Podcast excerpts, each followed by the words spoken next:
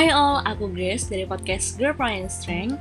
Jadi di episode kali ini, aku pengen cerita dan aku pengen sharing soal temen aku yang aku udah lama kenal, bahkan dari SMP sampai sekarang juga.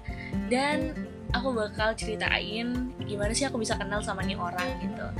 FYI nama dia Yosef Kisea Sigalingging. Biasanya orang-orang tuh suka manggil dia Cecep, tapi entah kenapa aku lebih suka manggil dia Yosef. Oke, okay, tanpa bahasa basi lagi, let's get started. So, aku bakal ceritain gimana sih aku bisa kenal sama Yosef. Awal kenal itu, aku kenal dia dari SMP. Jadi dulu, pas kelas 7 SMP, itu kelasnya masih acak. Aku di kelas 7C, dan Yosef di kelas 7B. Jadi beda kelas gitu. Nah, first impression aku, pas aku lihat dia di kelas, di depan kelas, sorry.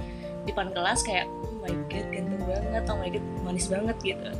Pas aku cari tahu marganya apa oh, ternyata satu marga sama aku di Batak Nes itu uh, dia itu sebagai itu aku jadi nggak bisa gitu kan. Nah first impression aku gitu. Nah setelah aku cari tahu ternyata dia pinter ternyata dia selalu masuk 10 besar di 7B gitu. Nah sampai akhirnya masuk ke uh, degradasi kelas. Ternyata aku sama Yosef itu satu kelas di 7A ya puji Tuhan 7A yang katanya unggulan katanya ya. Terus akhirnya uh, kita deket di situ yang tadinya cuma kenal kenal doang gitu akhirnya jadi dekat. Sampai ke kelas 8 ke kelas 8 sorry ke kelas 8 pun kita masih satu kelas di 8A sampai juga di degradasi lagi tetap di 8A sampai ke kelas 9 kita juga tetap satu kelas uh, dan kelas 9 udah acak ya kelasnya lagi. Aku sama Yosep di 9C gak tau kenapa bisa satu kelas mulu ya kan? Uh, terus akhirnya lanjut ke SMA dia SMA di Budi Mulia Pematang Siantar kalau aku di SMA Satu Pangururan. Jadi udah beda SMA ya. Dan akhirnya sempat lost contact juga tapi akhirnya komunikasiin lagi pas SMA di Instagram gitu. Kalau WA jarang banget aja sih gitu. Nah uh, sampai akhirnya kayak udah lama banget gak ketemu udah hampir 4 tahun gak ketemu dan ketemunya itu pas dia jadi maba dan aku juga jadi maba. Nah pas aku tahu pas aku tahu Yosef tuh keterima di uh, Universitas Indonesia jurusan administrasi dan asuransi perpajakan. Aku kayak ngerasa wah gila nih anak ya keren banget gitu kan.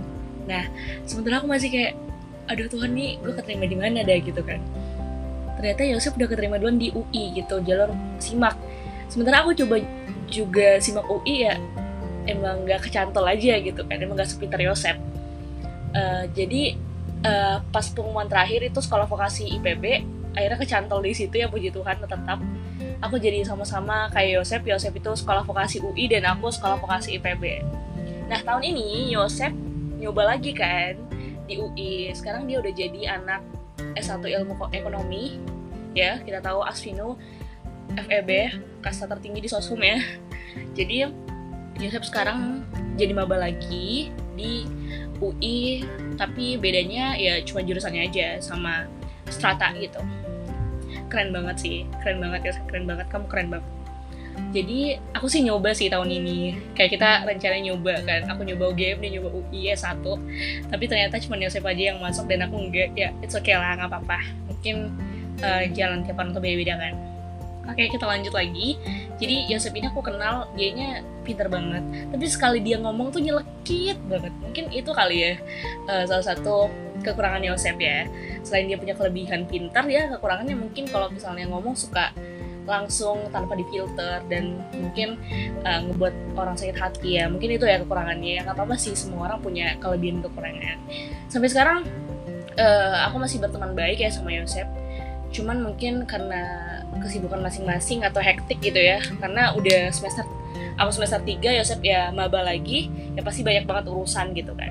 Tapi ya sejauh apa pun kita save ya kan. Maksudnya udah mungkin lost contact suatu saat nanti ya ya harus tetap ingat lah ya sama aku. Maksudnya kayak kita jangan saling melupakan gitu. Dan aku masih pengen loh kau datang ke pernikahanku nanti. Nanti tunggu aja undangannya. Ya pokoknya uh, apa ya mungkin sampai kita nanti apa sih bisa mempertemukan anak-anak kita juga. Ya gimana kita udah deket dari SMP kan semoga aja sih ya. Ya pokoknya gitu aja buat Yosef semangat kuliahnya Yosef dan semoga kamu bahagia selalu. Oke okay, see you on the next episode. Bye bye guys